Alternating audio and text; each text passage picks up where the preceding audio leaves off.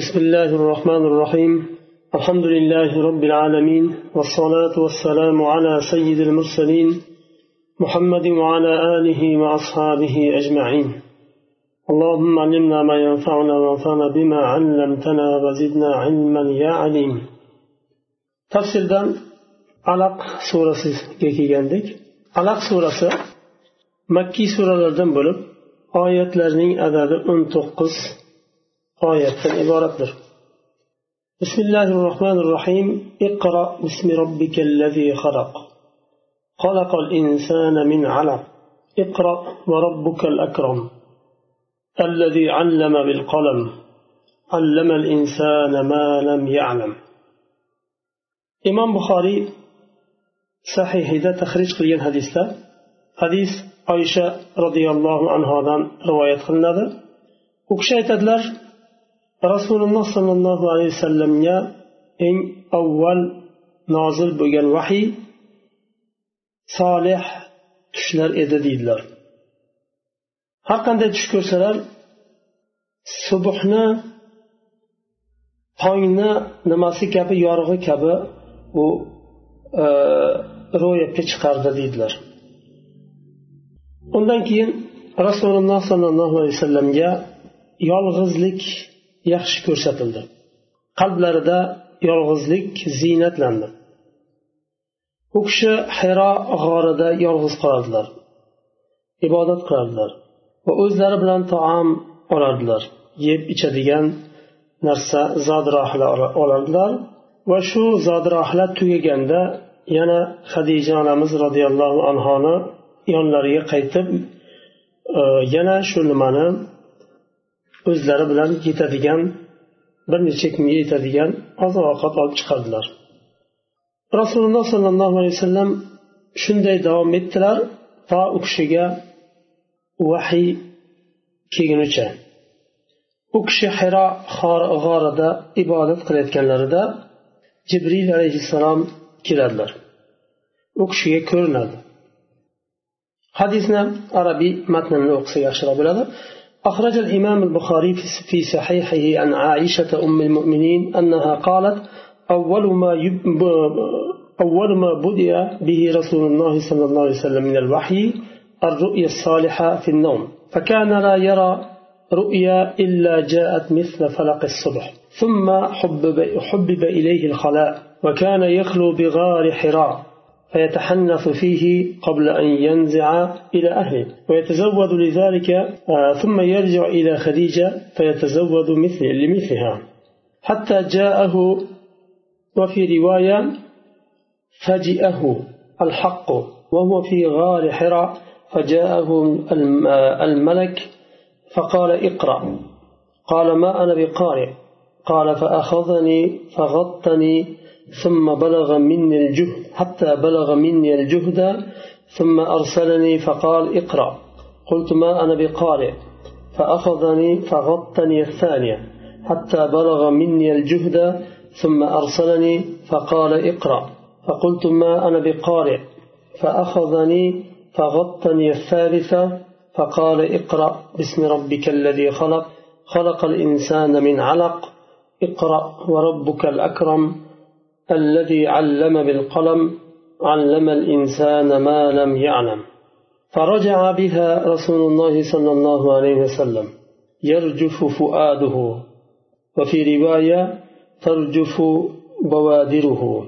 فدخل على خديجة بنت خويلد فقال زملوني زملوني. فزملوها حتى ذهب عنه الروع فقال لخديجة مالي فأخبرها الخبر. وقال لقد خشيت على نفسي. فقالت له خديجة كلا أبشر فوالله ما يخزيك الله أبدا. فوالله إنك لتصل الرحم وتصدق الحديث وتحمل الكل وتكسب المعدوم وتقري الضيف وتعين على نوائب الحق. فانطلق به خديجة حتى أتت به ورقة بن النوفل ابن أسد أو أسد أسد ابن عبد العزى ابن قصي وهو ابن عم خديجة أخي أبيها. وكان امرأ قد تنصرت الجاهلية وكان يكتب الكتاب العبراني فيكتب من الإنجيل بالعبرانية. وفي رواية الكتاب العربي ويكتب من الإنجيل بالعربية. ما شاء الله أن يكتب. وكان شيخا كبيرا قد عمي.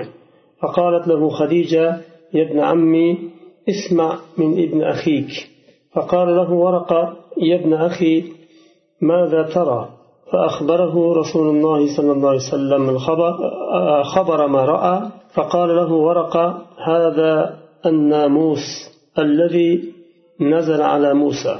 يا ليتني فيها جذعا ليتني أكون حيا إذ يخرجك قومك. فقال رسول الله صلى الله عليه وسلم أو مخرجيهم؟ قال نعم لم يأتي رجل قط بمثل ما جئت به إلا عودي وفي رواية أوذي وإن يدركني يومك أنصرك نصرا مؤزرا. ثم لم ثم لم ينسب ورقة أن توفي وفتر الوحي. رسول الله صلى الله عليه وسلم kelgan joyidan davom etamiz u kishi hiro g'orida ibodat qilayotganlarida jibril alayhissalom u kishiga ko'rinadi va aytadi iqro ya'ni o'qing deb rasululloh sollallohu alayhi vasallamni o'qishga buyuradi. Rasululloh sollallohu alayhi vasallam javob beradilar ma ana biqori man o'qiyolmayman o'qishni bilmayman. Chunki sallallohu alayhi vasallam o'qishni yozishni bilmadilar bilmasdilar shunda jibril alayhissalom olib o'zlariga qisib qo'yib yuboradilarda iqro deb ikkinchi marta aytadilar. Rasululloh sollallohu alayhi vasallam men o'qiyolmayman deb yana qaytaradilar. Ikkinchi marta olib ham jibril alayhissalom qisib yana yuboradilarda o'qing deydilar. Rasululloh sollallohu alayhi vasallam yana shu nimani qaytaradilar? Ma ana biqori men o'qishni bilmayman. Uchinchi marta jibril alayhissalom rasulullohni qisib o'ziga alaq surasini boshlanishidagi beshta oyatni shu yerda nozil qiladi. Iqro bismi robbikallazi xalaq. Yaratgan robbingizni ismi bilan o'qing. Xalaqal insana min alaq. Insonni quyuq qondan yaratdi. Iqro va robbukal akram o'qing robbingiz karimdir. Allazi allama bil qalam. Insonga qalam bilan bilmagan narsasini ta'lim berdi degan mazmundagi oyatlar nozil bo'ldi. Rasululloh sollallohu alayhi vasallam ahllariga hadija roziyallohu anhoni yonlariga qaytadilar qo'rqqan hollarida qaytadilar. Va o'rashni buyuradilar. Bir narsa bilan o'rab u kishini taskin toptirishni buyuradilar. Hadija roziyallohu anhu o'raydilar. Va u kishidan qo'rqinch ketgandan keyin menga nima bo'ldi o'zi? deb so'raydilar. Shunda hadija roziyallohu anhu qo'rqib kelganda kelgan hollarini xabarini aytadilar. Shunday shunday holda keldingiz deb. Rasululloh sollallohu alayhi vasallam o'zlari o'zlaridan qo'rqqanlarini ya'ni o'zlariga bir narsa yetishidan qo'rqqanlarini bildiradilar va hadija roziyallohu anhu aytadilarki sizga allohga qasamki alloh taolo sizni hech qachon xo'r qilmaydi chunki siz silatir rahmni uzmaysiz va to'g'ri so'z so'ylaysiz ya'ni yolg'on gapirmaysiz va qiynalganlarga yordam berasiz. Qo'li kaltalarga qiynalgan kishilarga yordam berasiz. Mehmonni hurmat qilasiz va haq taraflarni haq bo'lgan tarafni himoya qilasiz ya'ni haq tarafda turasiz. Va shu so'zlarni aytgandan keyin hadija roziyallohu anhu rasululloh sollallohu alayhi vasallam bilan varaqat ibn navfalni yonlariga boradilar. Varaqat ibn navfal hadija roziyallohu anhoni amakilarini o'g'li edi u kishi johiliyatda nasoro dinini qabul qilgan va bir rivoyatda ibroniy tilda injil yozardilar. Ya'ni injilni ko'chirardilar xattot edilar va boshqa rivoyatda arab tilida ko'chirardilar. U kishi yoshlari katta edi ko'zlari ko'rmay qolgan edi. Hadija roziyallohu anhu aytadilar ey amakimni o'g'li birodaringizni o'g'liga quloq solsangiz degan nimani taklif qiladi qiladilar? Ya'ni birodaringizni o'g'lidan bir eshiting shunday shunday hol degan mazmunda. Va varaqat ibn navfal rasululloh sollallohu alayhi vasallamdan so'raydi ey birodarimni o'g'li mada taro nima bo'lyapti? degan mazmunda so'raydilar. Nimani ko'ryapsiz yo nima bo'lyapti? degan mazmunda rasululloh sollallohu alayhi vasallamdan so'raydilar. Shunda rasululloh sollallohu alayhi vasallam ko'rgan narsalarini aytib beradilar. Varaqat ibn navfal aytadilar bu namus ya'ni namus deb sir sohibini aytadi. Sirni saqlaydigan kishi. Musoga tushgan namus deb jibril alayhissalomni nazarda tutadilar.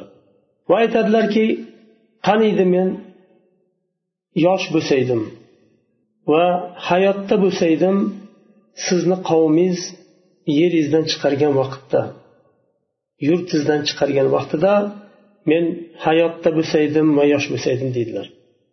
Rasululloh sollallohu alayhi vasallam so'raydilar qavmim meni chiqaradimi yurtimdan? Varaqat navfal aytadilarki naam chiqaradilar. Biror bir kishi siz keltirgan narsaga o'xshagan bir narsa bilan kelmagan magar ularga ozor berilgan aziyat berilgan deb aytadilar. Kim haq keltirgan bo'lsa kim vahiy bilan kelgan bo'lsa albatta ozor berilgan degan mazmunda aytadilar. Agar men o'sha kunga yetsam albatta senga yordam beraman deydilar. Va u kishi u kunga yetmasdan vafot qiladilar. Alaq surasi qur'onda eng avval nozil bo'lgan suralardan biri.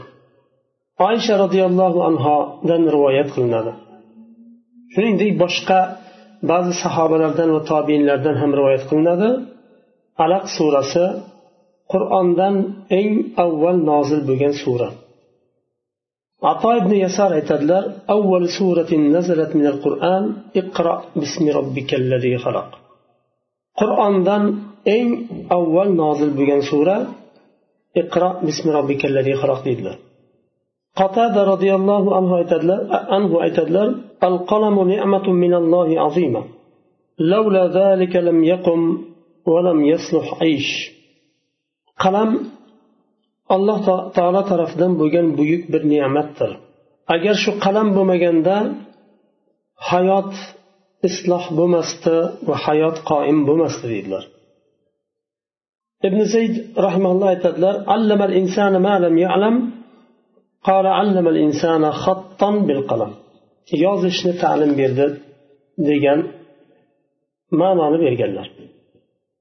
Iqro va robbukal akram الذي علم بالقلم إمام حاكم والطبراني رحمهم الله أنس رضي الله عنه دان رواية قلجان حديثة رسول الله صلى الله عليه وسلم aytadilar qayyidu ilma bil kitob ilmni saqlanglar yozishlik bilan deydilar boshqa hadisda ibn abdulbar hasan san'at bilan rivoyat qilgan hadisda bu hadisni abdulloh ibn amrdan rivoyat qilinadi قال قلت يا رسول الله أقيد العلم قال نعم قلت وما تقييده قال الكتاب عبد الله بن عمر رضي الله عنه aytadilar men rasululloh sollallohu alayhi vasallamga dedim yo rasululloh ilmni saqlay qayd qilamizmi yodlaymizmi rasululloh sallallohu alayhi vasallam aytadilar ha saqlanadi ilmni. Shunda qanday qilib saqlashni yo'lini so'raganlarida al kitob deydilar yozishlik bilan.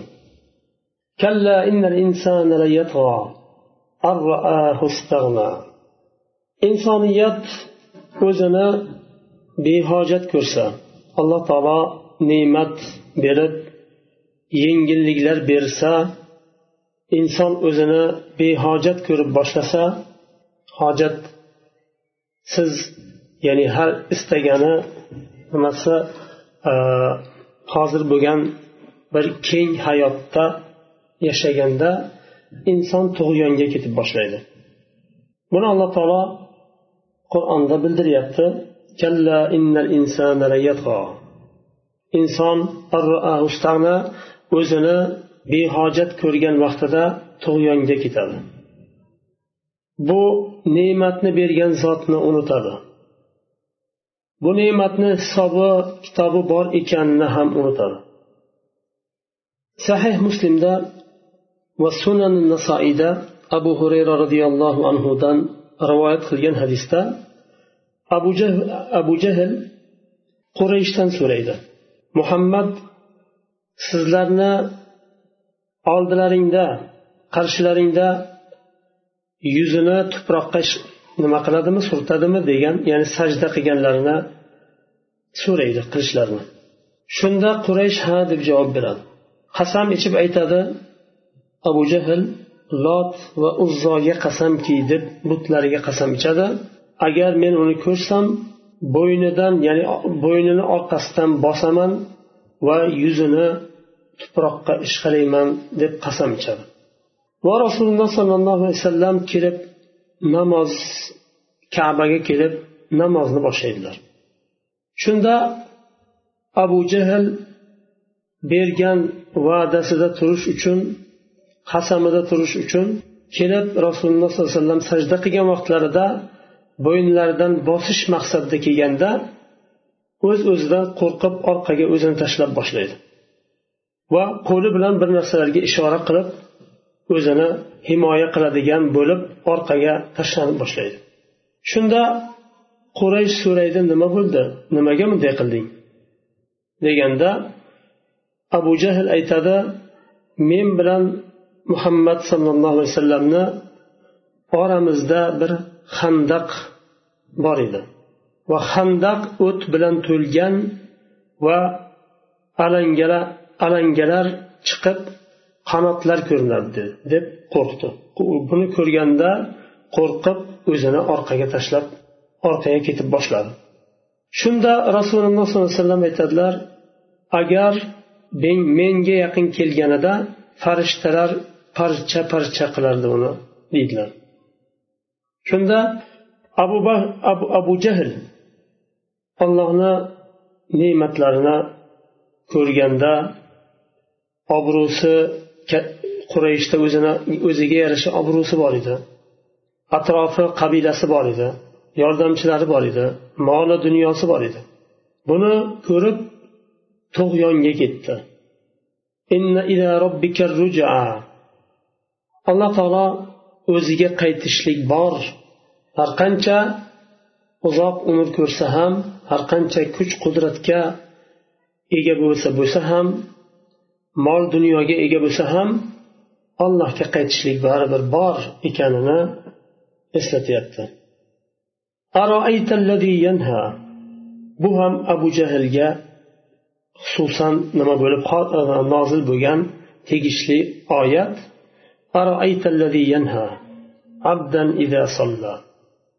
Ko'rmaysizmi?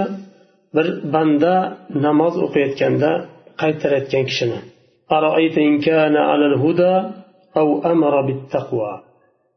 نماز أقيت كان كشنا قيتر كان دب أبو جهل بيردا آه، نزل تتمنى الطعيات أرأيت إن كان, آه، إن كان على الهدى. أجار شو نماز أقيت كان كشا هداية تبسهم تغريل تبسهم أو أمر بالتقوى تقوى جا إخلاص samimiylikka chaqirayotgan bo'lsa ham yomonlikka buyurmasdan yaxshilikka buyurayotgan bo'lsa ham uni qaytarayotgan kishini ko'rmaysizmi? O'zi bu abu jahlni bu alloh taolo tarafidan kelgan rasululloh sollallohu alayhi vasallam keltirgan dinni yolg'onga chiqarib allohni amridan yuz o'girgan dinidan yuz o'girgan bir inson edi u. Alam ya'lam bi annalloha yara. Bilmaydimi u? Ya'ni abu jahl yaxshilikka buyurayotgan hidoyatda bo'lgan bir qul allohni quli namoz o'qiyotganda qaytarayotgan va o'zi shu dinni yolg'onga chiqarib yuz o'girgan abu jahl. Alam yalam bi yara. Alloh taolo ko'rib turishini bilmaydimi? Alloh taolo ko'rib bilib turibdi buni buni bilmaydimi u?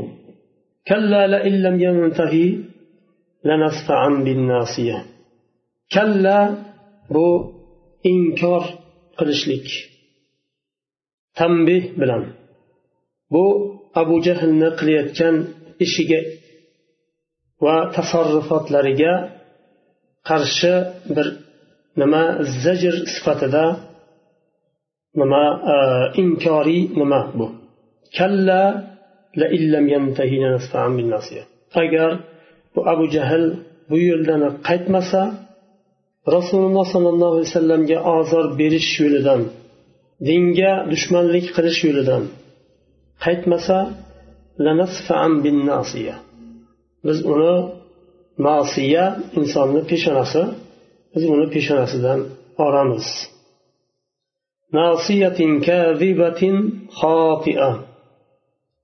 U peshona yolg'onchi va xatokor peshona.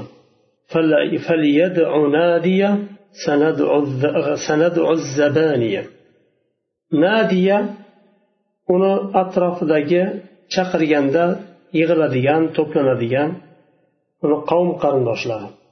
Chaqirsin o'zlari o'zini qavm qarindoshlarini chaqirsin. Biz azob farishtalarini chaqiramiz.